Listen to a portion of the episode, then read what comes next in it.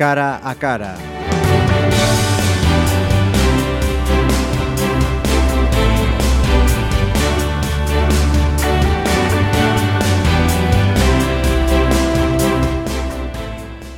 Lo que son las cosas, eh, este cara a cara de hoy es resultado de una conversación con una invitada que habíamos tenido en otro programa de Pontevedra Viva Radio. Ángela Ramírez eh, era costurera, la habíamos traído aquí como ejemplo, una de esas mujeres trabajadoras eh, de las que hace alusión el programa Do Gris o Violeta.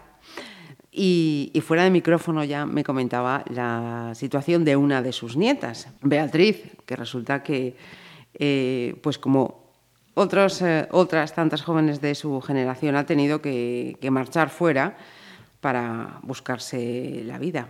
Y aprovechando, yo le dije, cuando tu nieta vuelva, me la traes, eh, que, que quiero tener un cara a cara con ella. Y efectivamente tenemos hoy aquí a Beatriz Ramírez Canosa. Bienvenida. Hola, gracias. ¿Por, cuántos días, semanas estás en Pontevedra? Bueno, la verdad es que cinco semanas. Cinco semanas. Es bastante, es bastante. ¿Y, eso te va a dar para disfrutar de la, familia, de los amigos, de la comida. Vamos a ir hablando de, de todas estas eh, cosas. Carolina eh, tiene, perdón, Beatriz, ya vais a ver luego por qué me he confundido con lo de Carolina. Beatriz tiene 25 años y ella hizo eh, un grado de lengua y literatura española, ¿no? ¿Sí? Eh, lo tuyo lo tenías claro. Desde siempre letras. Sí, sí, sí. No sé por qué, la verdad, pero nunca me planteé hacer otra cosa. Eh, cuéntanos dónde estudiaste, dónde te formaste, cómo veías el futuro a medio, largo plazo cuando estabas estudiando tu carrera. A ver, yo empecé el grado de, lo que antes era filología hispánica y al terminar la verdad es que ya sabíamos que sin un máster no, no, iba a haber salida ninguna. Entonces me matriculé en el máster de profesorado y al terminarlo la verdad es que es un máster que o opositas o tampoco tienes nada. Y entonces, como no, quería opositar aún, dije, no puedo estar parada. Y me fui como muchas chicas ahora con este programa de au pair, que eres como parecida a niñera, vives con la familia, aprendes otro idioma. Pues yo me fui a Praga con una familia canadiense. Y entonces, claro, iba a vivir en el centro de Europa, que está muy bien comunicado, pero iba a practicar inglés, con ellos. Y dije, bueno, pues allá voy, a la aventura. Y viviendo allí, luego encontré trabajo en una academia enseñando español y después de trabajar unos meses dije, no, quiero seguir formándome. Y volví a España y hice un máster en Salamanca. Eh, vale, vas a Salamanca, haces ese máster y ¿qué es lo que pasa? Nos llegaron bastantes ofertas, sobre todo muchas de China y de Estados Unidos. ¿De China? Sí, hay mucho trabajo para profesores de español en, en Asia. Y bueno, yo presenté el currículum para esta y un día me, me llamaron, me dijeron que, que, me habían cogido a mí. Dije, bueno, llamé a mis padres y me apoyaron y dije, bueno, pues allá vamos. Y allá te fuiste a Carolina. A Carolina del Norte. Del Norte. Sí. Y allí llevas desde agosto. Desde principios de agosto, sí. Que además empieza en la universidad la primera semana de agosto. O sea, verano no tuve ninguno. Es, yo, por lo que tengo entendido, algún amigo profesor que estuvo profesor ahí en Estados Unidos decía es completamente diferente a lo que tenemos aquí. el horario es muy. Bueno, por gracias a eso tengo cinco semanas de vacaciones en Navidad, si no, tampoco las tendría. Eh, ¿Te cuesta mucho eh, adaptarte allí a, esta población americana? O... No, la, la, verdad es que no, pero creo que es por haber vivido fuera antes ya. Y sinceramente es un sitio bastante pequeño y todo el mundo es muy agradable. De alguna manera me parecía como Galicia. Además es muy verde, también muy montañoso. Decía, es que estoy, estoy por una parte como en casa. Entonces, en ese sentido, bien. Lo que pasa es que está un poco alejado y lo que es vuelos, Galicia, eh, Charlotte, que es donde estoy yo, es es complicado. Sí, ¿Cuántas horas tienes de viaje cada vez que vas y vienes? Mira, pues esta vez que vine, 30 horas. 30 horas. Sí, entre escalas, comunicaciones, luego claro, llegas a Madrid y ya estás casi casi, pero tienes que esperar para ir a Santiago, Santiago se hace muy largo. Decías antes que mm, tus padres te apoyaron. Sí. Eh, tus padres mm, echaban esto para largo, para corto, como decían, bueno, es una etapa más de la niña y... Sí, sí lo ven todos como una, en mi familia, como una etapa y yo de alguna manera también lo veo como una etapa, que me gusta y aprendes muchísimo cuando te vas, pero sí que es verdad que yo en un futuro me veo volviendo a Galicia. Porque yo te preguntaba antes de, comenzar a grabar, ¿tú te ves eh, ahora mismo volviendo? Tú me has dicho, mm, de momento no me planteo volver. De momento no. Es que las condiciones que voy a encontrar aquí son mucho peores de las que voy a tener fuera ahora mismo. Y yo terminé el máster y en realidad no tenía mucha experiencia tampoco. Y ahora estoy trabajando en la universidad. Es que esto en España es impensable. Y en cambio ellos allí, los estudiantes del máster, antes de terminar, ya tienen opción a enseñar un semestre en la universidad. O sea, son condiciones que no, no son comparables ni siquiera. Porque ¿cómo es eh, tu jornada de trabajo allí en la, universidad? si lo digo, eh, tengo unas condiciones muy, muy buenas. Mi jornada son nueve horas a la semana. Repite, por favor. Sí, yo trabajo lunes, miércoles y viernes, o sea, tengo martes y jueves libre y solo enseño tres cursos de español. Y la mayoría de los profesores tienen entre tres y cuatro cursos. No quieren que un profesor trabaje más para que poder realmente prepararlo todo. Y luego están los que también investigan a la vez, pero entonces le reducen esos cursos. Y aquí un profesor, si tienes 20 horas a la semana o más, vamos, es lo más normal del mundo. Y la gente piensa que es poco, pero todo el trabajo que te supone después es muchísimo. O sea, no, no hay comparación en ese sentido. De hecho, yo pensándolo desde el año pasado decía, ¿qué voy a hacer en todo? ¿El tiempo ¿Qué voy a hacer en el tiempo libre? De hecho, me daba miedo el no tener trabajo. No, no, no que bien voy a estar mucho tiempo libre. No, no, me daba miedo no estar ocupada. Y te puedo preguntar eh, por tu salario con, con, esas condiciones laborales. Está muy bien. Sí, muy bien. Eh, impensable eh, que sea equiparable a cualquier situación de un profesor aquí en España. Yo creo que mi salario ahora se equipara a un profesor de instituto que ya tiene algunos años de experiencia y además a mí allí me pagan el alojamiento. O sea que está muy bien. Y para ellos, cuando me contrataron, me pidieron disculpas por el salario que me iban a pagar.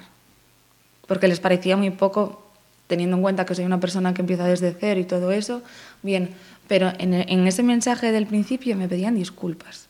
Y yo decía, madre del amor hermoso, no tenéis ni idea de dónde vengo, vamos. Y como dice la canción, eh, ¿en qué empleas tu tiempo libre? Ya, pues mira, cursos online, organizo allí horas de conversación así más informales para alumnos que quieren practicar fuera del aula, normalmente ya de nivel más avanzado, entonces vamos a una cafetería, yo llevo unos temas, unas preguntas y hablamos. Otros días hago noche de cine en español y les pongo películas, tenemos ahí una sala en el departamento. Y estoy estudiando portugués por mi cuenta, yo qué sé, no sé, lees mucho, ves muchas películas, conoces el sitio. Ajá, aburrirte no te aburres. No, no, no, siempre intento estar ocupada, siempre estar ocupada. y, te iba a preguntar antes, cuando decías lo de las horas, eh, ¿cuántos alumnos tienes por clase? 30. 30 alumnos. 30 por clase. Que, bueno, ahí más o menos podría ser equiparable, ¿no? sí, en, lo que es en la universidad, sí. Para una, para una clase de idiomas son bastantes. Porque ahora mismo en España lo que se intenta es, si tú tienes una clase tan grande, luego tienes seminarios más pequeños. Allí no. Y son bastantes. Pero bueno, se va llevando. Se va llevando. Me decías antes eh, esa eh, demanda que hay de, profesores de, español, por ejemplo, en, Asia, tú estás en, en Estados Unidos. Sí es un idioma que, ves que allí eh, cada vez se demanda más, que está en, el auge y, si percibes los motivos también del, del porqué. El español está en auge. O sea, cada vez la gente quiere hablar más idiomas y el inglés se da por hecho y el segundo en demanda es el español ahora mismo, en casi todo el mundo. Y eso nos compensa, pero también por eso están saliendo profesores de español hasta debajo de las piedras. Es, es, es, curioso, quizá una, una paradoja, mm, lo que, a raíz de lo que, lo que estás diciendo, ¿no? Se está demandando eh, aprender mucho español, supongo que eso también tiene que tener eh, su secuela económica, unos intereses, y sin embargo el panorama económico vemos que os tenéis que marchar fuera, es un poco paradójico. y de hecho aquí un profesor de español mm, muy mal. En lo que es una academia o así, ganan muy mal. Lo tendría que compaginar con otra cosa. Hay un, es un contraste enorme entre lo que te puedes encontrar en un país como Estados Unidos, creo que en China las condiciones también son muy buenas, a lo que te ofrecería España en ese sentido. o estás muy bien posicionado en una escuela ya muy buena con un puesto fijo o no te da. Ni de broma. A no ser que sea cursos de verano, que sí que la demanda aumenta porque son los extranjeros los que vienen a España. ¿Qué percepción encuentras con, con, la población de allí, de, de, Carolina, cuando surge el tema de, de la situación de, de, España? ¿Cómo lo ven ellos desde allí? Sinceramente, están bastante inmersos en ellos mismos. En su mundo. Sí, Estados Unidos, eh, en, en todos los sentidos, historia, economía, en todo, saben de ellos y ya está se creen bastante el ombligo del mundo. Uh -huh. Entonces, yo cuando, cuando en clase podía hablar de algo de España, se les ponían los ojos como platos, porque no saben nada en realidad. Y le hablaba mucho, pues, comparando un poco la situación política de allí con la de aquí. Bueno, no sois los únicos que a veces tenéis problemas, o la economía, o los precios de la universidad. Uh -huh. que yo cuando le digo a, a los, mis alumnos las tasas de matrícula que hay aquí de máster, que para nosotros son carísimas y no todo el mundo puede estudiar, cuando se lo digo a ellos se quieren venir, porque a lo mejor a ellos un curso les vale 20.000 dólares. Y es que no, es un sistema que no se sostiene. Yo siempre lo digo, y ahora que estoy allí lo veo más. No es normal, y no todo el mundo puede estudiar, obviamente. Uh -huh. No es normal tener que pagar eso. Y hablando de, de, los del ombligo del, del mundo, sí. eh, ¿tú cómo has vivido todo esto de, del cambio en el que están ahora sí. de presidente? La verdad es que, bueno, me enteré de cosas que no sabía, como por ejemplo que a ellos los llaman a casa para preguntarles a quién van a votar. O sea, te llaman por teléfono y hasta que les coges y tienes una conversación con ellos, no te dejan en paz. Decía, madre mía, qué agobio. Y en, en todo, cada vez que abres un vídeo de YouTube, un anuncio, eh, en la televisión todo el tiempo. O sea, es un bombardeo de publicidad uh -huh. que ni siquiera nos lo imaginamos. Y bueno, y cuando fue, los días antes todo el mundo estaba deseando que acabara, por favor, que paren ya, que paren ya. Y cuando fue, la gente no se lo creía.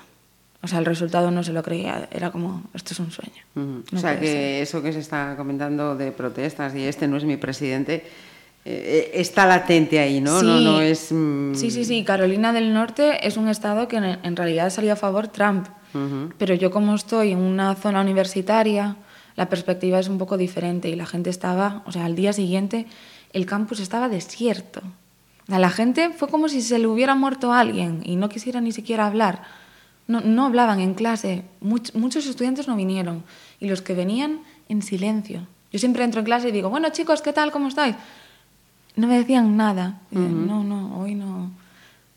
Un drama. ¿Y, y los recelos que, que, están surgiendo en relación a todo lo que es la población latina? ¿También la, la notas o la temes? Que esto también pueda perjudicar a, a los que estáis eh, allí en estos momentos. Yo mi situación supongo que no, se, no va a sufrir ningún cambio ni va a tener ninguna consecuencia uh -huh. de eso. Sobre todo porque mi contrato es gracias un poco a la Universidad de Salamanca. Tienen uh -huh. como un convenio y eso va a seguir. Pero mis alumnos me preguntaban, ¿y tú ahora te quieres quedar? y yo, bueno, pues conozco a mucha gente que, que, se plantea quedarse el año que viene o no por culpa de esto. Uh -huh. Así que, sí. Y volviendo aquí a, a, España, como nos decías, eres muy, muy jovencita, tienes eh, 25 años. Eh, tus compañeras eh, de estos estudios eh, superiores o amigas que has tenido aquí en, en Pontevedra, eh, ¿tienen esa misma situación o tú eres una excepción? No, la verdad, la verdad es que no. Del, otro, del primer máster que hice y de la carrera con las que me llevo, o se han ido y siguen fuera, o se han ido y ahora han vuelto, o se han dedicado a preparar oposiciones. Esa es la salida que tenemos ahora mismo. Uh -huh. Y ya lo que es del máster de Salamanca, que está más enfocado a enseñar español para extranjeros, cada, una, cada persona está en un punto diferente del planeta ahora mismo. Uh -huh. O sea, casi todos fuera, casi todos. ¿Cómo, ¿Cómo sentís vuestra generación? ¿Perdona? ¿Cómo sentís vuestra generación? maltratados por el, este sistema, algo se ha hecho pues mal sí, para porque que os da veáis? mucha rabia, o sea, da mm. mucha rabia estar tantos años estudiando para terminar y una, que no, no es nada fácil, o sea, ni siquiera buscar, porque no hay donde buscar. Entonces, yo no sé cuántos currículums he llegado a mandar, pero en un verano 100 currículums y nada, nada. Es que, es que en España ni te contestan. Uh -huh. y, ves, y vas a un sitio en persona y ves que tienen una pila de currículums increíble y, y te desmotiva muchísimo. Uh -huh. Entonces ya optas por marcharte. Si eres un poco valiente, te vas. Uh -huh. ¿Por qué no? Porque lo, lo, lo, una de, de, las tragedias de, de, esta situación es que eh, hay un gasto público en formación, en educación, para que vosotros estéis formados, eh, preparados, y después eh, esa inversión. Exactamente. Se va afuera, la están. Exactamente. Uh -huh. Porque eh, la gente que se va ahora y que luego termina trabajando de camarero de lo que encuentre es gente súper formada y que ha estado muchísimos años estudiando y se va y, y no le ha merecido la pena. Uh -huh. Yo hablaba con, con tu abuela, con Ángela, cuando habíamos tenido la, la entrevista en Do Gris o Violeta, de, de las dificultades que, que, ha tenido su generación. Es una sí. generación eh, que las ha pasado muy, can, sí. muy canutas, ¿no? Y, y resulta que mmm, no. décadas después no. llega la nieta y, y, también el panorama no. no. No, es nada fácil. Yo no sé si has tenido ocasión de hablar con ella también de esas diferencias y similitudes generacionales. Pero hoy están más preparados que antes. Uh -huh. Sale. Esto es que voy a, voy a aclarar. Ángela está aquí acompañando a la nieta y dice que, claro, que la generación de Beatriz está mucho más preparados que, que, que la de ella. Como te decía, no sé si habías, has tenido ocasión, si has tenido esas charlas con, con tu abuela de, de, las dificultades que ellos pasaron y las dificultades que vosotros también. Sí, o sea, ella me cuenta que ella siempre tuvo que coser y que, desde, que ella quería estudiar, pero que tuvo que ponerse a trabajar. Y bueno, a mí lo que me toca es irme fuera.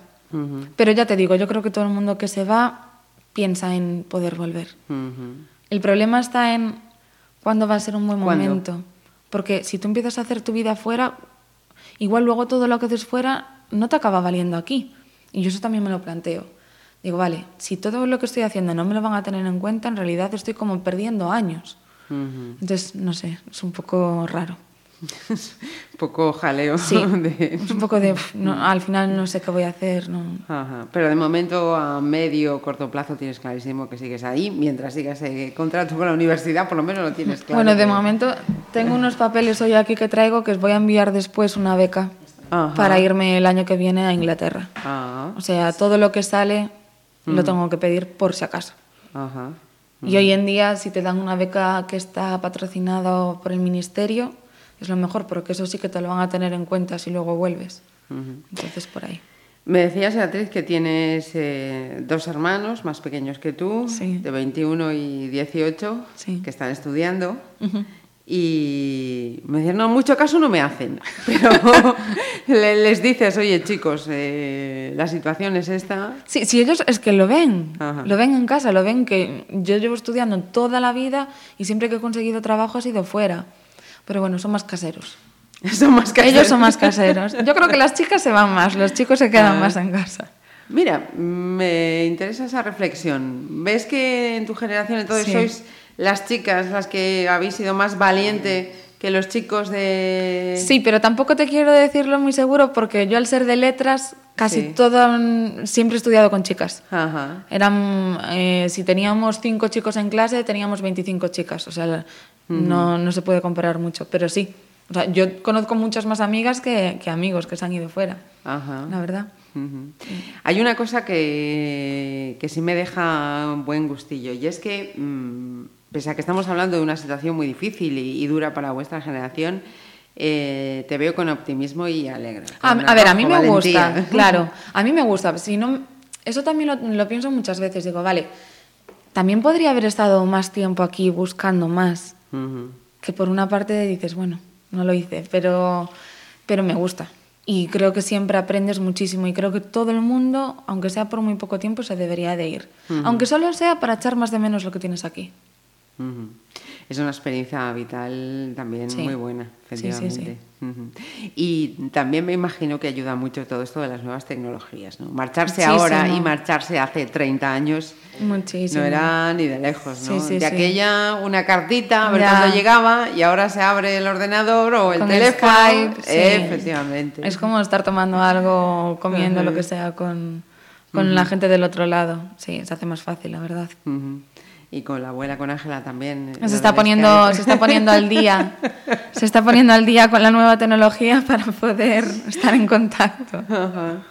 Pues eh, Beatriz eh, Ramírez Canosa es una pontevedresa, como acabamos de escuchar, de esta generación que ha tenido que buscar fuera lo que, lo que en este país no, no ha encontrado un futuro laboral después de todos esos años de, de formación.